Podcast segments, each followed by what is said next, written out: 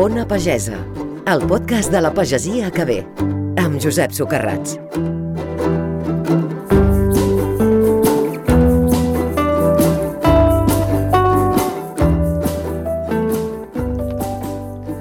La primavera i a la tardor és quan tenen lloc les imatges més espectaculars de la transhumància. Vaques, cavalls, xais, eh, que pugen muntanya amunt o tornen a casa, segons l'època. N'hi ha que fins i tot travessen ciutats i embussen carreteres concorregudes. Però hi ha una altra transhumància, més discreta i laboriosa, segurament més desconeguda també. És la dels apicultors que durant l'any traslladen les seves arnes d'arran de mar fins a les muntanyes altes seguint el curs de la floració. Es tracta d'una mena de ramaderia en miniatura feta a la mesura de les abelles. Avui descobrirem com treballa un apicultor artesà del segle XXI i per això hem convidat en Pep Ruaix de Delícia de Mel.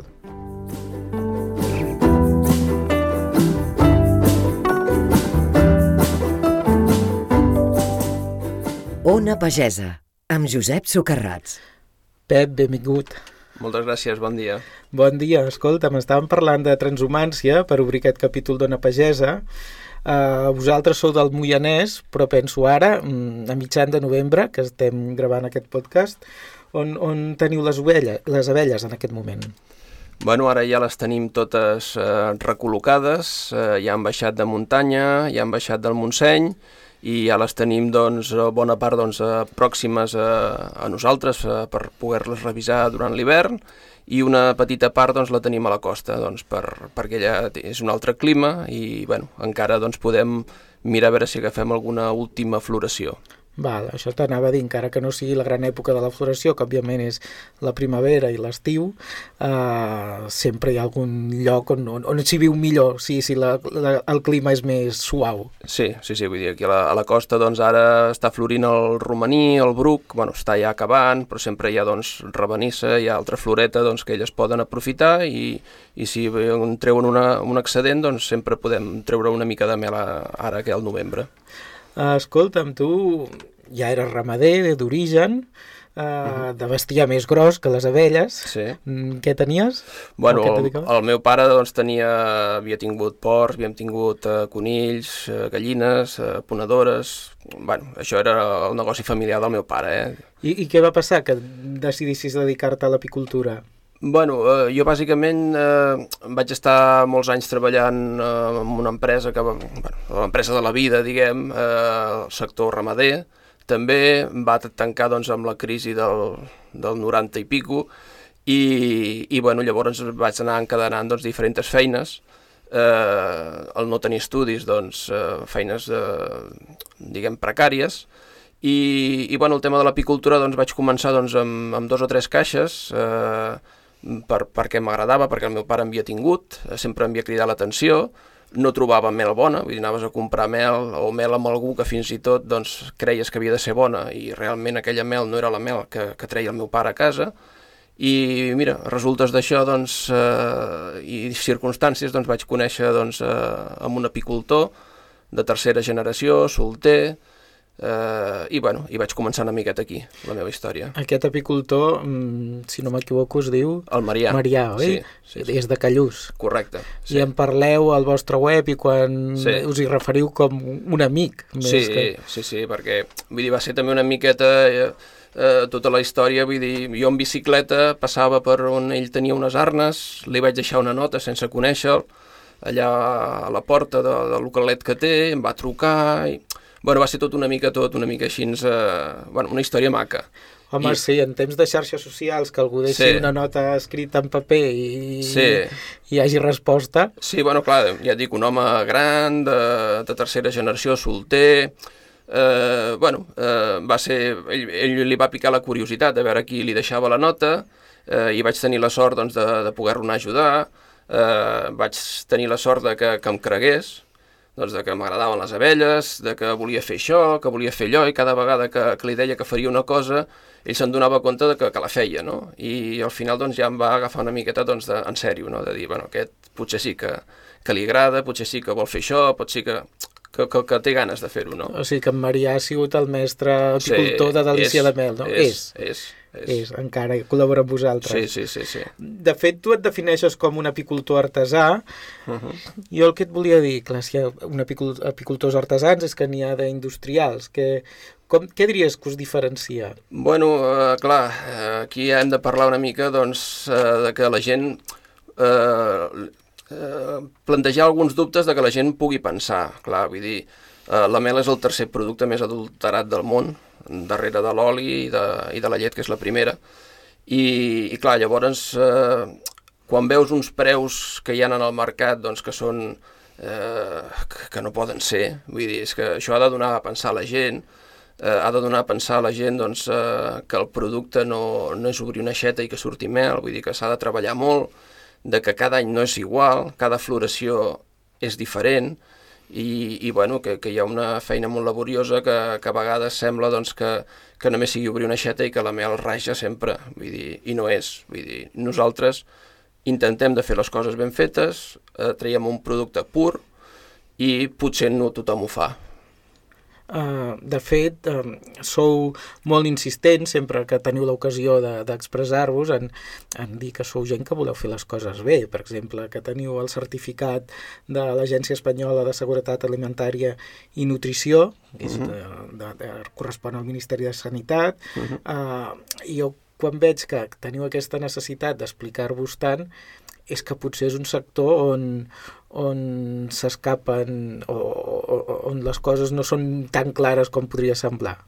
Sí, vull dir, no està ben legislat, eh, es permet encara molta cosa amb el, amb el tema de la mel, es permeten doncs, eh, importacions i es permeten moltes coses doncs, que, que, bueno, que, que no s'haurien de fer, penso, eh, que van contra nostra, però clar, és com tot, vull dir, els apicultors grans, entre cometes, doncs eh, per ells és un negoci, un negoci lucratiu, i doncs ells juguen en aquestes cartes, vull dir, i en fi al cap eh, nosaltres estem eh, sempre condicionats doncs, als grans, vull dir, els petits, sempre estem quan, condicionats als grans. Quan parles d'aquests prejudicis que heu d'afrontar, eh, és perquè, per exemple, dius, eh, s'admet la importació de mel, o sigui que podem pensar que estem comprant mel local i comprem mel barrejada o amb mel d'altres orígens o, o sí, sí, sense, bé. sense cap mena de dubte.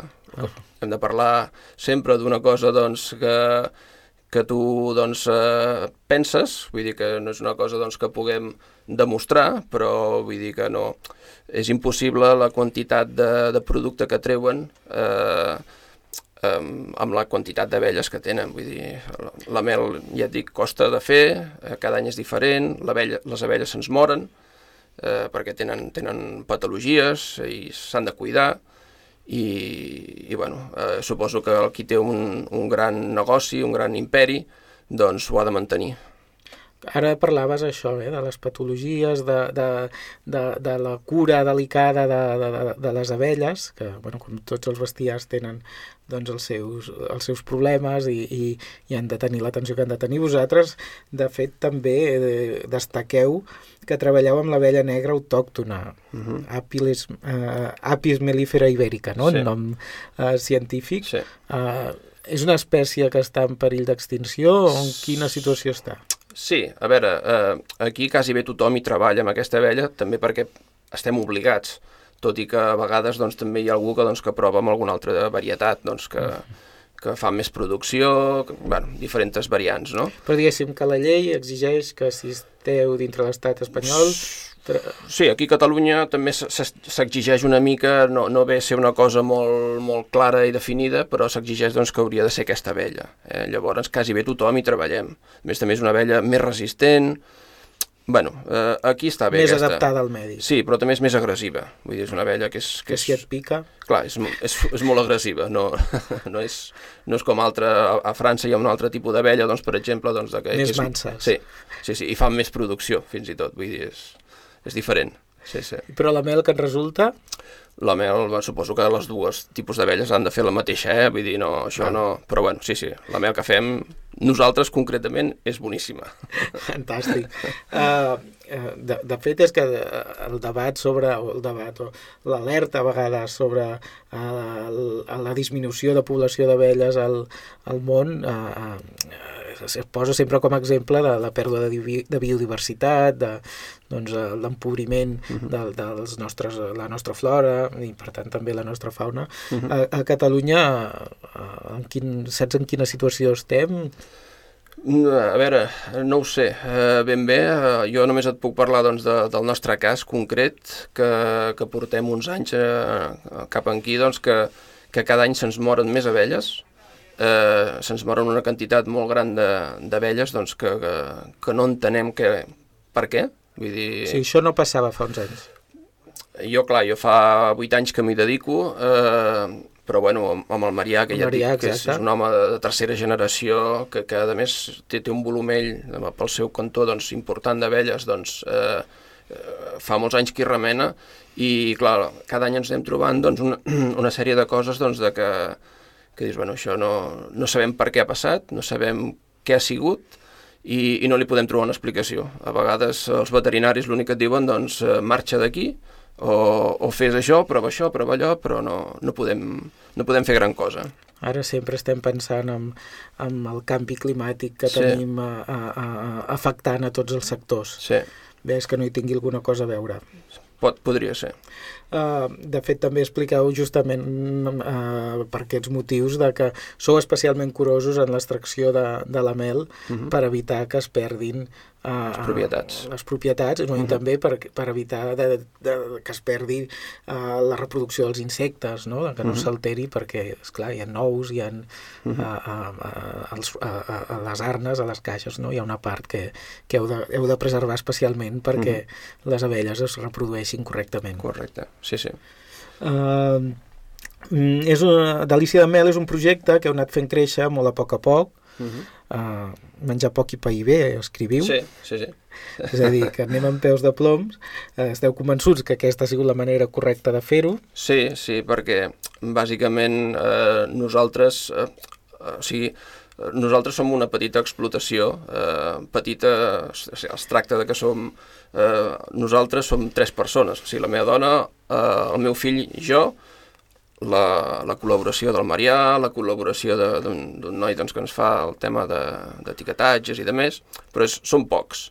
Vull dir, llavors el que nosaltres volem és, és poder viure d'això, quasi eh, com aquell que diu només un sou directe, els altres són petites estones, i, i ens costa de poder fer això tenint uns locals eh, i tenint una infraestructura molt reduïda, eh, familiar, i, i clar, tenint uns costos bastant baixos ens costa de poder viure d'això i clar, la nostra idea és, és poder arribar aquí no? i poder-nos guanyar la vida una mica amb això. Bé, doncs us podem ajudar comprant la vostra mel. Estaria bé. La primera cosa, què, què trobarem a la mel de Delícia de Mel? Que, eh, eh què la fa, si no diferent, destacable? Mm, jo el que, el, que, el que em quedo és amb, amb molts comentaris de molta gent doncs, que la prova doncs, de que, que torna a trobar doncs, la mel doncs, que, que, havia, que havia perdut, que, que havia deixat de, de trobar doncs, la mel d'abans. Vull dir, és, és com nosaltres, vull dir, nosaltres a casa de tenir la mel que, feia, que, que feien les nostres abelles, a comprar la mel pròxima allà on vivim, eh, que, que, que no tenia res a veure, vull dir, és dolça, és bona, sí, bueno, és, és dolç, dir, sí, qual, qualsevol cosa, doncs, així dolç, doncs passa, no? Però, clar, al, al provar les mels nostres, jo suposo que, que tornaran una mica als orígens, aquesta gent. Eh, a més, nosaltres eh, no, no ens pensàvem de tenir tantes varietats com, com tenim, perquè anem, anem buscant floracions i anem, anem fent molts quilòmetres, i tenim unes mels que no són conegudes, i són, són brutals. Com quines, com quines, diguen algunes. Doncs pues mira, per exemple, la, la, la més atípica que tenim és la mel amargant d'arbós. Vull dir, és una mel doncs, que, que t'ha d'agradar, però és amarganta, el seu nom ho diu, però és una mel doncs, que té unes propietats molt bones. Uh, també anem a, a 1.800 metres, a, traiem una mel de naret, que és una, bueno, és una flor que neix a la part nord del Pirineu, i, i és brutal, vull dir, està molt bé. La de taronger, que és més, és més eh, bueno, es, es coneix una mica més, però bueno, nosaltres ens costen molts quilòmetres anar... Això deveu anar a l'Ebre. Sí, sí, però clar, cada vegada que baixem i pugem tenim 500 quilòmetres des d'on de, des vivim. Llavors, clar, aquest any mateix per treure la mel de taronger hem fet 5.000 quilòmetres. Vull dir, 10 viatges hem fet per, per extreure la mel de taronger. Vull dir que, clar, ens, ens és molt laboriosa i ens costa molt també de fer, no? Però, mm -hmm. bueno, ens agrada el resultat, doncs, que, que, que traiem una mel, doncs, que, que agrada. I al final, això t'anava a dir, quan la tastem, eh, tota aquesta dedicació segur que es transmet. Esperem que així sigui i que, que la gent eh, entenem que a vegades eh, hi ha molta gent de que ens compra i, i potser ja no ens torna a comprar doncs, per la comoditat de que van a un gran supermercat, amb una gran superfície... Però això és molt fàcil, eh? que es facin socis de Mercat Arrels, ah, exacte, que us exacte, tenim allà. I exacte, us, això i, està bé. I us ho portem a casa. On més us podem trobar, a més de Mercat Arrels? Bueno, nosaltres vam tenir molta sort també amb el tema de la pandèmia, dintre del que cap, doncs, amb Productos Cat, doncs, que ens va donar molt a conèixer, eh, amb, amb Mercat Arrels, la nostra pàgina web, doncs, que tenim una botiga online, eh, i bueno, llavors mirem de, de trobar doncs, petits eh, negocis, eh, petits, eh, petites botigues de queviures doncs, que, que sàpiguen apreciar el producte que hi portem i que eh, potser han de, mm, tenen una mica més de despesa que altres productes, altres mels, però penso que hi guanyen amb qualitat. Però sí, també ens agrada anar a petites botigues de queviures, que ens atenguin eh, aquesta gent dels colmados de tota la mm -hmm. vida, que saben què tenen i que trien el que venen i que a més ho saben transmetre mm -hmm. als seus clients i buscarem a Mercat Arrels i a altres llocs mm -hmm. els pots de delícia de mel. Moltes gràcies. Moltes gràcies, Pep, per acompanyar-nos. Gràcies a vosaltres.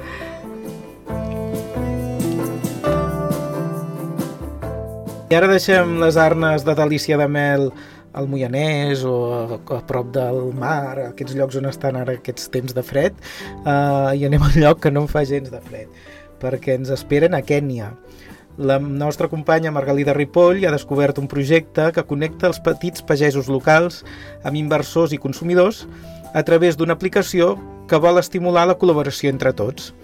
Aquest projecte, que ha rebut un premi de la FAO, ocupa el mapa mundi rural que escoltarem tot seguit.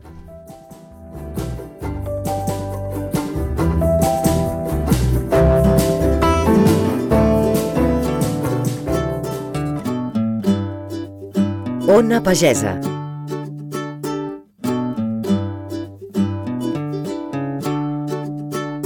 El mapa mundi rural.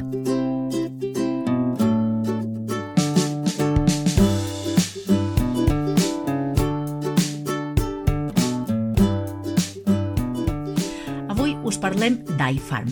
És un projecte agrícola de Kènia que acaba de ser reconegut amb el Premi a la Digitalització i Innovació en pro dels sistemes alimentaris. És el més destacat dels que atorguen la FAO de les Nacions Unides i el govern de Suïssa a la innovació en el camp de l'alimentació sostenible. El que es pretén amb aquests premis és fomentar i celebrar aquelles empreses i emprenedors que implementen amb èxit nous projectes en el sector agrícola. Però tornant a l'iFarm, vindria a ser com el nostre mercat arrels, adaptat a una realitat completament diferent. En aquest projecte, també a través d'una plataforma online, es posen en contacte productors i consumidors per evitar passos intermedis. Però val a dir que en el cas d'Àfrica també serveix per evitar que els aliments es facin malbé si han de passar per moltes mans abans d'arribar al consumidor final. Aquest projecte promou també que petits agricultors es puguin integrar en nous models financers que els permetin créixer conjuntament i complir els objectius de desenvolupament sostenible.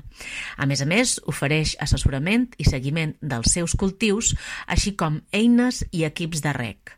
Un projecte en el que hi guanyen tots, els que compren i els que venen. Des de la redacció d'Arrels us ha parlat Margalida Ripoll Ferrer. Ona Pagesa, el podcast de la pagesia que ve.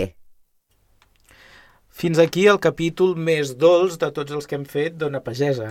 Aquest podcast eh, és possible gràcies a, les aportacions dels socis del projecte Arrels al món que torna, que sabeu que és una revista, un web, uns audiovisuals. Eh, voleu formar part d'aquest entorn, d'aquest món? Doncs és fàcil. Si us voleu fer socis perquè no en sou, entreu al web arrels.info i us explicarem què heu de fer. I en tot cas, sempre ens podeu seguir les xarxes socials amb el compte arroba monarrels. Uh, des dels estudis de Ràdio Amèrica Barcelona, avui us hem acompanyat Mariel Lesnipchevski-Boronat, el control tècnic, i qui us ha parlat fins ara, en Josep Socarrats. Fins al proper capítol.